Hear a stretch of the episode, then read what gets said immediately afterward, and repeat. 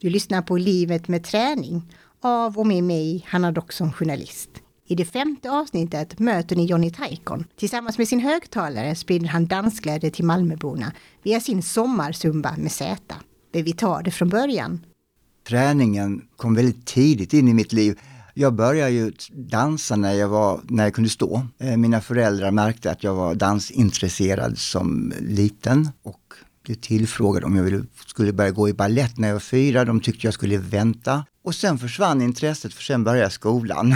Så jag tog upp det igen när jag var typ 11-12 och då började jag med det som då på den tiden kallas discodans. Alltså det innebär att man gick till en studio och lärde sig de populära danserna som då var Saturday Night Fever och sen kom ju Grease. Och, och sen gick man ut och tyckte att man var jättecool. Sen gick man ju vidare när man märkte att det här var något man tyckte om så blev det ju jazzbalett. Jazzbalett är ju, är, är ju en, en eh, dansstil och det är den som ligger nära då den, det som vi då senare har som musikaldans. Chicago tänker jag då? Precis. Och efter det, när man märker att man måste ha en hårdare stomme bakom sig, så går man ju in på den klassiska, för det bygger upp kroppen på ett sätt som man behöver för att kunna vara professionell dansare. Eh, man behöver ha en ganska stark kropp. Och sen kom fridansen, för den är så underbar. Det är ju Martha Graham-tekniken. Det är den som folk ibland har så svårt att förstå. Men det är bara att man kan stå och vara ett blad på en äng. Ja, man kan rulla, precis. Det, det är så, det, det, det, är så som det ser ut, alltså man arbetar mycket från inuti sin egen kropp och utifrån.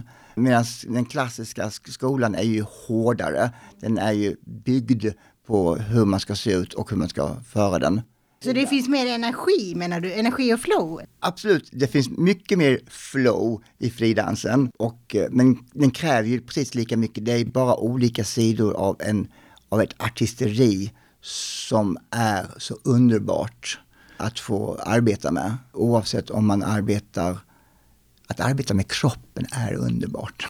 Alltså fridans, är det då, innebär det också då att det inte finns något tydligt program eller följer man ändå ett tydligt program? Man följer ändå ett tydligt program och man har samma hårda uppvärmning på, på dagarna och, och man har samma koreografier som ska följas. Men man följer dem utifrån kroppen oftast. Där vi, där vi liksom märker att vi suddar ut lite av, av eh, gränserna och vi vill få det hela till en enda rörelse. Där dansen är hjärtat. Och eh, efter det så höll jag på med dans i alla möjliga, möjliga former. Därefter så började jag arbeta lite som koreograf och pedagog i olika sammanhang. Vad är det som gör att din kropp passar bra för dans? Jag kan ju säga som så att, att min kropp passar inte bra för dans. jag är stel, inte formad som en dansare ska vara. Men mitt hjärta var där och då kvittar det lite. För att vara dansare så behöver man inte vara störst, bäst och vackrast i alla lägen. Man behöver inte ha de högsta benen. Man behöver inte ha den bästa splitten. Utan det viktiga när man ska vara dansare, det är att man orkar. Det är orken och hjärtat. Att orka när man var ung, att träna sex dagar i veckan med en dag ledigt. Man tränar uppvärmning, man tränar, man tränar shower, man, man tränar hela tiden, flera gånger om dagen. Då är inte talang tillräckligt, utan då är det, då är det vilja och hjärta som är viktigt. Och var går du då och dansar de här danserna? Det är ju spännande att höra. Eh, på den tiden alltså, så gick jag ju både i Lund och i Malmö på olika dansskolor. Dansstudio nummer ett finns ju kvar, även om den inte är belägen på samma ställe. Eva Jansson har en helt underbar dansstudio eh, som är positiv och, och just det här lyfter fram glädjen i dans som är så viktigt och gemenskapen i dans. Sen så jobbar jag ju på, bland annat på, i Eslöv på estetiska programmet som pedagog. Då, då tack vare eh, min kunskap som dansare så kunde jag då ha eh, ämnen, typ eh, kroppen som uttrycksmedel och liknande. Jag hade jazzdans och ballett och sånt där. Och på eh, Kulturskolan.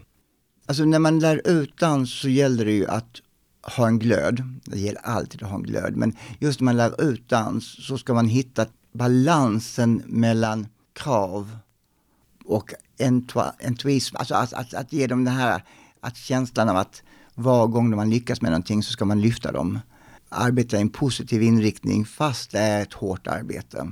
Jag kan ju den tekniska biten även om jag inte alltid kan utföra. även om jag inte har en spagat så vet jag hur den ska se ut. Sen då, efter detta, vad händer då? Efter det så, så uh, hände ganska mycket i mitt liv. Det blev en paus från dansen helt och hållet ungefär 1998. Den varade i nästan tio år.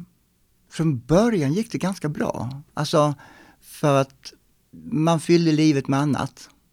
Och det gick bra ända tills jag hamnade i en dansstudio igen. Eh, min syster ville väldigt gärna prova på zumba och hon ville inte gå själv. Och jag tyckte att ingen fara, jag kan väl följa med dig eh, om det så. Och då hittade jag zumba som faktiskt förändrade mitt liv ganska mycket.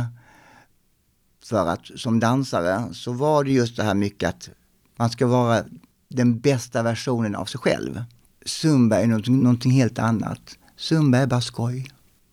Man arbetar utifrån sig själv. Det finns inga måsten, det finns inga fel, man kan bara göra annorlunda. Den där känslan av att dansa bara, bara, bara, bara, bara, bara för skojs skull. Den här rena dansglädjen, där att, att jag arbetar helt utifrån min egen kropp. Lite som fridansen fast utan regler. Eh, där jag kan liksom bara jag kan röra på höften så mycket jag vill röra på höften. Jag behöver inte ha spagat. Jag behöver inte hålla tempot. Om jag, om, jag inte, om jag inte kan höger eller vänster så gör det ingenting så länge jag inte brakar in i någon annan. Jag, jag gör det här för min egen skull. Lite som att dansa i sin egen garderob och ingen tittar på, fast tillsammans med många andra. Du har lyssnat på Livet med träning. I nästa avsnitt ska det handla om hur Jonny utbildade sig. Följ gärna kanalen på Ett livet med poddserien på Instagram. Producent är jag, Hanna Doxon.